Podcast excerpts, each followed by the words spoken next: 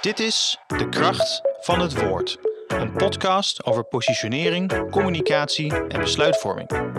Wat is het belang van communicatie op besluiten? Op welke verschillende manieren zet je het in? En wat kan jij doen om invloed uit te oefenen? Dit is De Kracht van het Woord. Welkom, mijn naam is Else Mieke Havenga. Ik ga in gesprek met personen die vanuit verschillende rollen invloed uitoefenen op besluitvorming. Denk hierbij aan een activist, een lobbyist, een campagneleider, bestuurder, journalist, een ambtenaar of een onderhandelaar. Er zijn er veel. Mijn co-host is uh, Daan Wijnands van Public Affairs en communicatiebureau WePublic.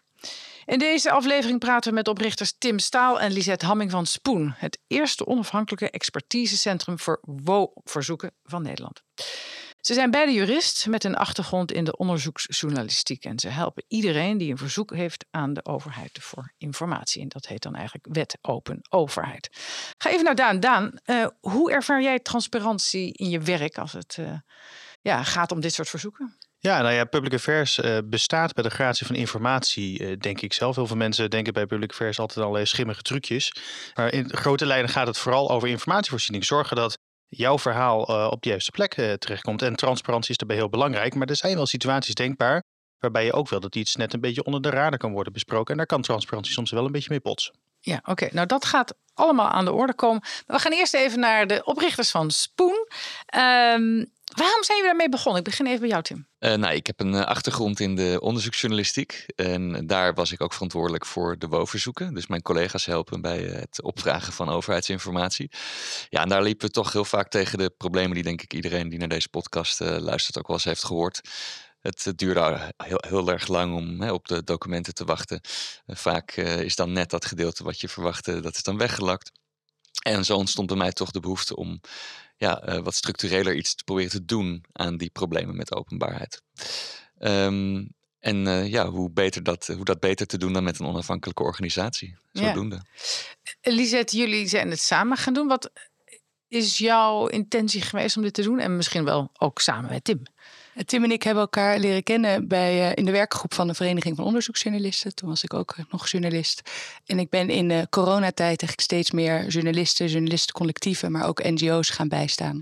Zoals Wakker Dier en SOMO in deze WO-procedures. En toen dachten jullie, er moet wat meer gebeuren dan gewoon je best doen. Ja, eigenlijk wel. Hè. Um, uh, er wordt wel gezegd, het nieuws, uh, dat is zoals uh, de krant van gisteren. De dag daarna is het alweer uit papier. Dan kan je de vis erin verpakken. Um, dus een journalist heeft vaak geen tijd om jarenlang bezig te gaan met het doorvoeren van een procedure tot in de hoogste rechtelijke instanties. Um, dat is ook heel logisch en dat moeten ze ook vooral gewoon doen. maar dat betekent dat er weinig partijen zijn met de slagkracht en het uithoudingsvermogen en ook de kennis.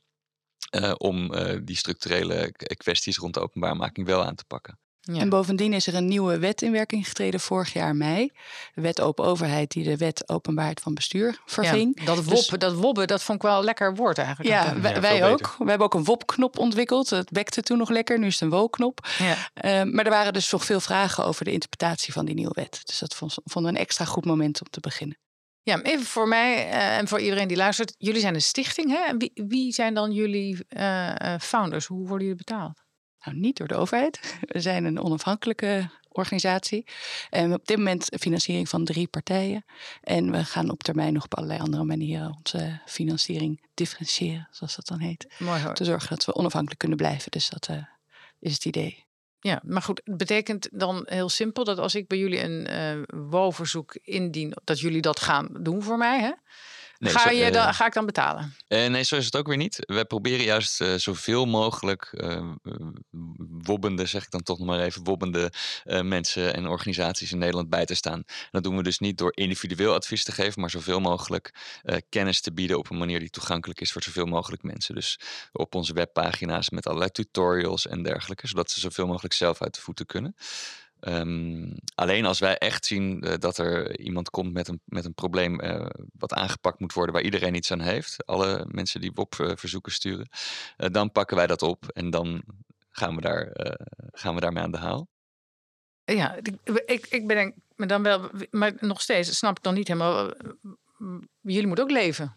Zo idealistisch, maar of heb je gewoon Ja, nog... nou, we hebben werk gelukkig ernaast? nu financiering voor de eerste drie jaar om dit eh, te kunnen doen rond. Maar we zijn allebei freelancers nog, dus eh mogen van de Belastingdienst maar een bepaald eh, aantal dagen per week hiermee bezig zijn. En de rest van de week hebben we nog onze eigen praktijk. Dus staan we nog steeds journalisten en NGO's bij, in de, wel, wel individueel bij, zeg maar, in deze procedures. Als je kijkt naar wat jullie ehm, ehm, zeg maar doen, dan is dat vaak voor toch journalisten. Hè? Iedereen kan het doen, maar ik zou als burger dat volgens mij niet zo heel snel doen. Maken jullie nou vaak eh, gebruik van, van dit soort verzoeken als eh, Public Affairs Bureau? Nou, echt WO of dan wel WOP-verzoeken. Ja, die WOP moeten we eruit De WOP gooien. moet eruit. Oké, sorry. WO-verzoeken.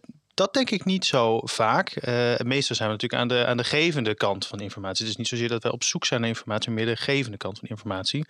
Eh, het komt wel eens voor dat we zijn betrokken bij WO-verzoeken. Dus dat wat wij hebben aangeleverd dan onderdeel is van een, een. En dat is ook prima. Ik bedoel, eigenlijk denk alle informatie die je als pub- public affairs professional aanlevert, die eh, is gewoon transparant beschikbaar en ook in die zin meestal openbaar. Als je nou kijkt naar wat die ehm, volledige transparantie teweeg brengt, hè, wo- worden we er uiteindelijk als maatschappij beter van? Ik wil eerst nog even één ding zeggen over eh, wat je net zei over eh, burgers, eh, Elsemieke. Want er zijn wel degelijk ook ontzettend veel burgers die hartstikke geïnteresseerd zijn in informatie van de overheid. Bijvoorbeeld over de afhandeling van de coronapandemie.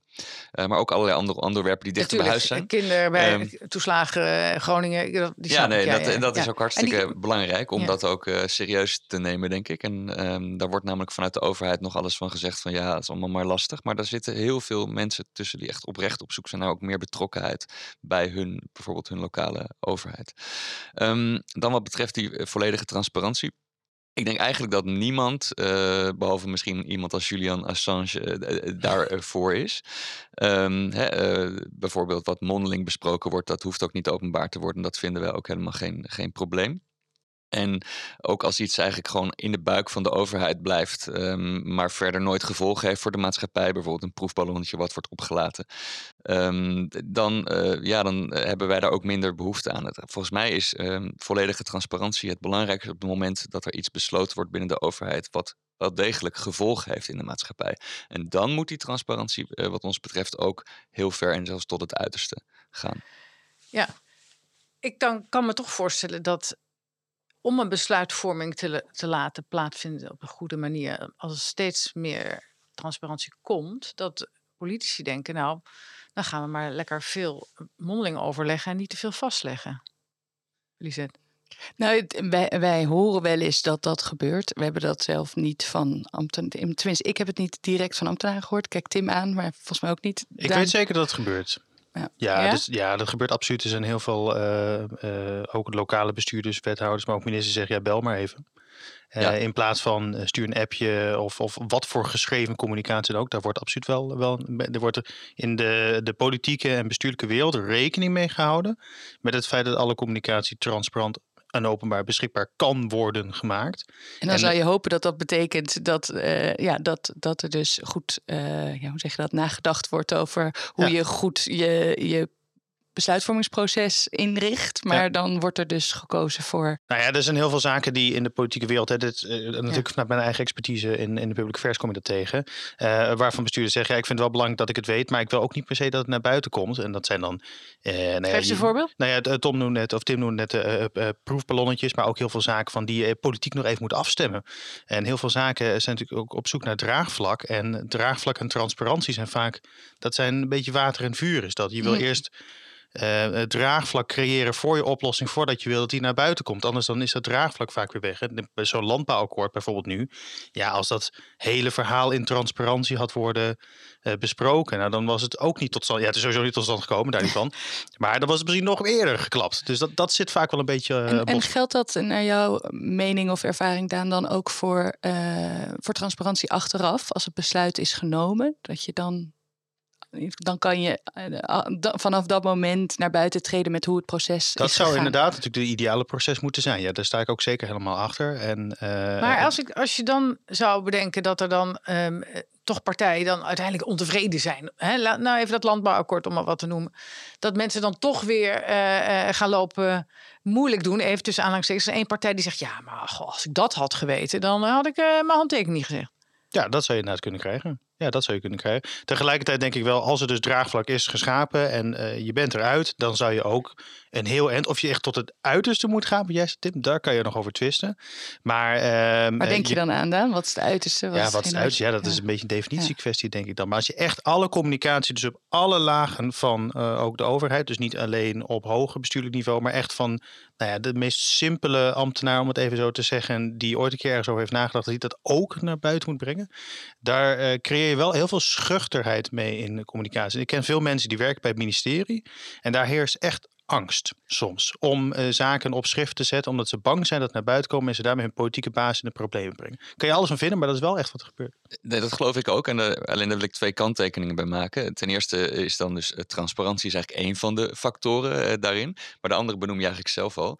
Ehm, angst voor politieke gevolgen. dus daar, kunnen we, daar moeten we natuurlijk net zo goed naar kijken. waarom zou het feit dat iets wat een ambtenaar in, in alle integriteit en alle oprechtheid op schrift heeft gesteld richting zijn leidinggevende. Waarom zou dat uh, die ambtenaar in de problemen uh, moeten brengen? Hè? Dus waar verbinden we dus gevolgen aan? Ja. Um, en een andere is denk ik ook. We hebben het nu steeds over de situatie waar een, een, ambtenaar besluit om iets niet op papier te zetten. Maar minstens zo interessant is de situatie waar een ambtenaar juist besluit uh, bewust om iets wel op papier te zetten in een mail van hey, ik, ik loop hier tegenaan. We zijn hier op het punt een besluit te nemen met mogelijk grote gevolgen voor bepaalde groepen in de maatschappij. Ik wil mijn twijfels daarover hier nu wel hebben, hebben gedeeld. Um, en ik denk dat het heel belangrijk is. Uh, er was vorige week ook een onderzoek waaruit bleek uh, dat veel ambtenaren echt met die morele twijfels uh, rondlopen. Ja. Zelfs vijf, bijna 50 procent. Dat is artikelen in NRC. Exact, ja. INO Research. Um, dus ik denk dat die, die twijfels van ambtenaren ook een weg naar buiten moeten kunnen vinden op een of andere manier. Omdat ze daar anders dus steeds meer mee zitten. Ja, en dat zou dan dus helpen als je met elkaar gewoon besluit dat het oké is dat die dingen naar buiten komen en dat ze daar niet op worden afgerekend door de politiek of door de burgers. Dat is wat je dan zegt. Dat denk ik wel. Het, het normaliseren van fouten maken bijvoorbeeld. Maar daar zit natuurlijk de situatie waar we nu zitten. Hè? Volgens mij, als je kijkt in het, in het hele politieke spectrum, is dat je mag gewoon geen fouten meer maken. Alles wordt afgedekt met nog meer regels. En je wordt ook uh, überhaupt denk ik heel snel op dit moment afgestraft. En, en de grote koppen was altijd al wel zo, maar ik heb het idee dat het op het ogenblik echt veel erger is dan het was. Is, uh, is dat ook jullie gevoel? Ik denk wel dat het erger is geworden, maar de vraag is dus of je dat oplost door minder transparant te worden. Ja, daar ben ik, daar heb, dat, dat snap ik dat je dat zegt. Misschien moeten we er even doorheen. Misschien moeten we er even doorheen. Ja, nee, dat is ook waar. E, even, jullie hebben al je eerste zaken te pakken, hè, eigenlijk. Dus misschien wel even goed. Dat, dat ging over de beveiliging van Peter R. de Vries. Klopt, en ik denk dat het ook een zaak is waar eigenlijk al die kwesties die tot nu toe hebben besproken bij elkaar komen en uh, op de achtergrond uh, meespelen. Um, ja, het is even in een, uh, in een notendop inderdaad. Ging om de beveiliging van Peter R. de Vries. Die moest onderzocht worden, was iedereen het over eens. Want dat ja, was is natuurlijk wel iets misgegaan. Helemaal misgegaan. Ja. Dat onderzoek is ook later uitgekomen. Dat bleek ook van alles mis te zijn gegaan. Um, maar dat was eerst onduidelijk wie dat zou gaan verrichten. Uiteindelijk werd het de Onderzoeksraad voor Veiligheid um, aantal journalisten, waaronder ook mijn collega's bij Investico, wilden weten hoe dat gegaan was, vroegen de stukken op en een, uh, een belangrijk deel daarvan kregen ze niet. En toen gingen ze naar ons en zeiden: luister eens, ja, wij hebben nu geen tijd meer om meer verder, verder te gaan. De, de trein van het nieuws dendert verder. Maar volgens mij uh, is hier wel iets belangrijks, principieels aan de hand. Namelijk, we hebben alle voorbereidende stukken hierover, dus eigenlijk al die stukken uit de buik van het ministerie, die hebben we niet gekregen, alleen de eindstukken. Um, nou, en wij besloten dat het belangrijk was om dat, uh, dat op te gaan pakken. Ja, want de volgende stap in zo'n procedure is dan dat je in bezwaar gaat bij dat bestuursorgaan. En daarna, als je dan met die beslissing op bezwaar uh, nog nog steeds niet eens bent, je hebt nog steeds niet gekregen wat je wil, dan kan je nog weer naar de rechter gaan. Dus je moet ook wel een lange adem hebben en als je dit wil laten uitzoeken. En wij hebben dat, althans, we hebben de, de tijd, de middelen en ook de, ja, de, de, de wilskracht om uh, dit soort vragen voor te leggen aan de rechter waar nodig, om daar wat meer duidelijkheid over te krijgen. Ik wou zeggen, want wat is de reden dat je hem voorlegt? Dat is die duidelijkheid. Ja. Wat er wel niet mag. Ja. Ja, dus dat heeft best grote invloed dan op, op hoe de overheid hiermee om zou moeten gaan in de volgende uh, situatie. De vraag is of dat ook echt zo zal gaan werken. Um, ik denk het wel, want er is uh, van allerlei kanten druk. Niet alleen uh, van ons uit. Er is ook een, een nieuw uh, college ingesteld in de WO. Um, een van de belangrijkste verbeteringen uit die, die wet. Het adviescollege Openbaarheid en Informatiehuishouding, ACOI, kort gezegd. En ook die hebben. in zeggen, een, zal wel weer een afleiding voor zijn. Er zal weer afkorting voor zijn. en die, die hebben ook al in een stevig advies gezegd. Ehm, de wijze waarop al dat soort voorbereidende documenten um, worden, uh, ja, worden geweigerd. Dat gaat veel te ver, dat is veel te categorisch. Daar moet je veel meer stuk voor stuk naar kijken. Dus we hebben vrij machtige medestanders ook. Dat is mooi, maar dat is eigenlijk wel een soort van overheidsorgaan wat dan wel onafhankelijk is, hè? Ja. Exact, en daar zijn we dus ook heel blij mee dat dat er is. En daar zie je denk ik ook wel aan dat orgaan is er nu. Wij zijn er nu gekomen. Uh, bij de verschillende media lopen steeds meer specialisten op dit gebied rond. Dus er is wel echt iets verschoven in ja, de wil en de slagkracht vanuit, uh, ja, ook zeg maar uh, aan, aan de rand van de overheid en buiten die overheid om zich ermee te bemoeien. Ja, dat heeft dat ook misschien te maken met de mentaliteitsverandering. Dat we ook niet meer zomaar de overheid geloven hè, sinds een tijdje. Nou, je ziet, denk je niet dat we eh, door willen eh, vragen? We willen weten hoe het nou echt zit. Ja, en, en een, een deel daarvan zit ook op dat interne beraad van hoe is het nou gegaan dan? En eh, daarvan was eerst nog het idee van oké, dat die, die zogenaamde persoonlijke beleidsopvattingen van ambtenaren mogen allemaal naar buiten. Daar is onze minister-president toen op teruggefloten. Gezegd, ja, dat, dat gaat niet zomaar, die kan er niet zomaar uitgesloopt worden uit die wet. Maar er is wel onder de WO echt wel meer aandacht gekomen voor het toch meer naar buiten brengen van die persoonlijke beleidsopvattingen. Weliswaar geanonimiseerd, maar dan krijg je dat lijkt me wel Ja. Nou ja, de, op, het moment, op het moment dat je al die, die concepten en voorbereidende stukken gaat weigeren, dan hou je dat dus toch nog toch uit de openbaarheid. Terwijl het idee was om daar wat meer mee naar buiten te komen. Maar die anonimisering is prima. Wat ja, dat, dat, bedoel, dat, bedoel ik. Oh, ja, ja, ja. ja, ja nee, dat, is geen probleem. Nee, want dan staan ze weer met fakkels voor de deur. Nee, het gaat ons om de inhoud en niet om uh, welk poppetje het is uh, Maar luister, dit is echt best spannend voor jullie, bedenk me nu. Want als uh, deze zaak bij de rechter komt en jullie krijgen nou in het slechtste geval geen gelijk, wat dan? Ja, dat hoort er een beetje bij volgens mij. Dat, da en daar moeten we ook nog niet op vooruitlopen. En nogmaals, wat ik zeg, Um, we zijn niet de enige die dit beweren. Uh, tot nu toe alle uh, uh, prominente bestuursrechtjuristen die zich erover hebben uitgelaten. Ook al eerder rechters. Al eerder rechters over vergelijkbare redeneren, een categorisch hele, hele stapels documenten te weigeren. dat, dat is gewoon niet hoe het systeem is bedacht, ook door de wetgever. Nee, precies. Um, dus, dus ja, het ik, zou wel, jullie, ik, ik, ik hoor hier vertrouwen dat het wel goed komt dan. Ja, wat de precieze uitkomst is, weet je nooit. Maar dat de uitgangspunten die de overheid nu heeft gekozen en hier op dit punt niet juist zijn, daar zijn we wel van overtuigd. Ja. Ik ga nog eventjes naar jou dan. Um, um, jullie proberen in je public affairs in ieder geval uh, toch informatie te brengen bij de overheid, waardoor ze betere besluiten kunnen nemen. Ja, en, en daar zie ik dus ook wel heel veel raakvlakken in. Het is niet alsof, ik, alsof we er alleen maar problemen uh, zie. Ik zie juist ook heel veel raakvlakken in het public affairs vak. En eigenlijk wat jullie doen, want eigenlijk doen we hetzelfde. In de zin van dat we informatie voor iedereen beschikbaar willen maken. En dat doen wij dan voor klanten, natuurlijk voor allerlei verschillende soorten klanten. waarbij wij vinden dat een bepaalde besluit, besluitmaker die informatie niet heeft. En die brengen we dan naar die persoon toe. En jullie kant van het verhaal is eigenlijk van ja, sommige informatie blijft achter, blijft hangen. En daardoor kunnen we niet zien of een besluit goed tot stand is gekomen. Dus eigenlijk zitten er best wel heel veel raakvlakken in.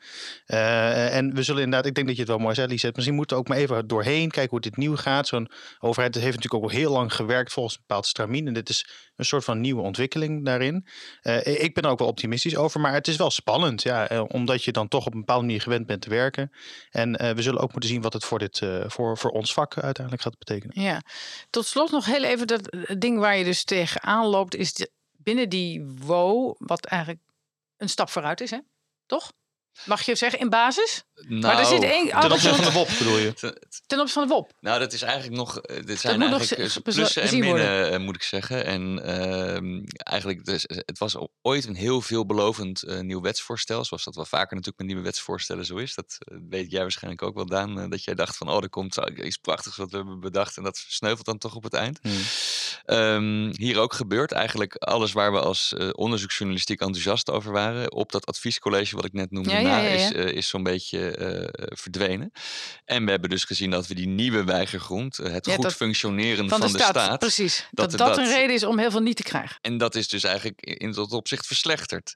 Eh, ik denk niet overigens dat de eh, initiatiefnemers uit de Tweede Kamer dat voor ogen hebben gehad, maar dat het ook laat zien dat ze niet zo heel goed waren in wetgeven. En dat het dus even een mis is Oeh, gegaan. zeg je en, wel iets, ja, hè? en dat het kabinet dat nu aangrijpt eigenlijk eh, ja, op een manier die ze niet eh, bedoeld hebben. Ja, tot slot eigenlijk is het een raar fenomeen dat eh, de, het kabinet eigenlijk gezegd heeft... eh, we willen veel dichter bij de burgers komen. Hè? Dan zou je met dit dat kunnen doen. En vervolgens zit, staat er dan zo'n dingetje weigergrond goed functioneren van de staat. Dus met andere woorden, we moeten er allemaal ons niet te veel mee bemoeien... want dan gaat het beter. Dat is wat ze Mooi daar gezegd, eigenlijk ja. mee zeggen, Goed, toch? ja. Ja. Ja, eh, we, we zullen zien of het eh, stand houdt. Ja. Eh, eh, wij, wij denken echt dat dit zo categoria, cat- categoriaal, ja, weigeren ja. van, van concepten en voorbereidende stukken gewoon niet. Nee, dus dat dat, dat dat ook weer getoetst gaat worden. Wa- Wat dan die echte eh, eh, grond is, daar gaat het dan eigenlijk over. Ja, en nog e- één keer benadrukken, we hoeven ze niet allemaal te hebben, al die concepten. Maar het gaat er juist om die ene keer dat daar wel iets in staat wat feitelijk cruciaal is geweest in de besluitvorming. Dan willen we het hebben. Dus we Ja. hoeven het niet allemaal, maar als er iets belangrijks in staat. Oké. Jongens, ehm, heel erg leuk dat jullie dit met ons wilden delen. Ik wens jullie heel veel succes, want het is, eh, het, het is pas, eh, nou ja, pas echt ontstaan. Hè? Ja. Eh, eigenlijk zou je zeggen, ik hoop dat het niet zo lang hoeft te bestaan. Dan Ja. heb je het goed gedaan. Hopen wij ook. Het zou geweldig zijn. Ja, toch? Dan, eh, dan functioneert het allemaal beter. Precies. We Ja. gaan ons best doen. Oké, dankjewel. Daan, jij ook bedankt. En eh, nou ja, En jullie bedankt. tot de volgende podcast. Heel graag gedaan. Dit was hem. Graag gedaan.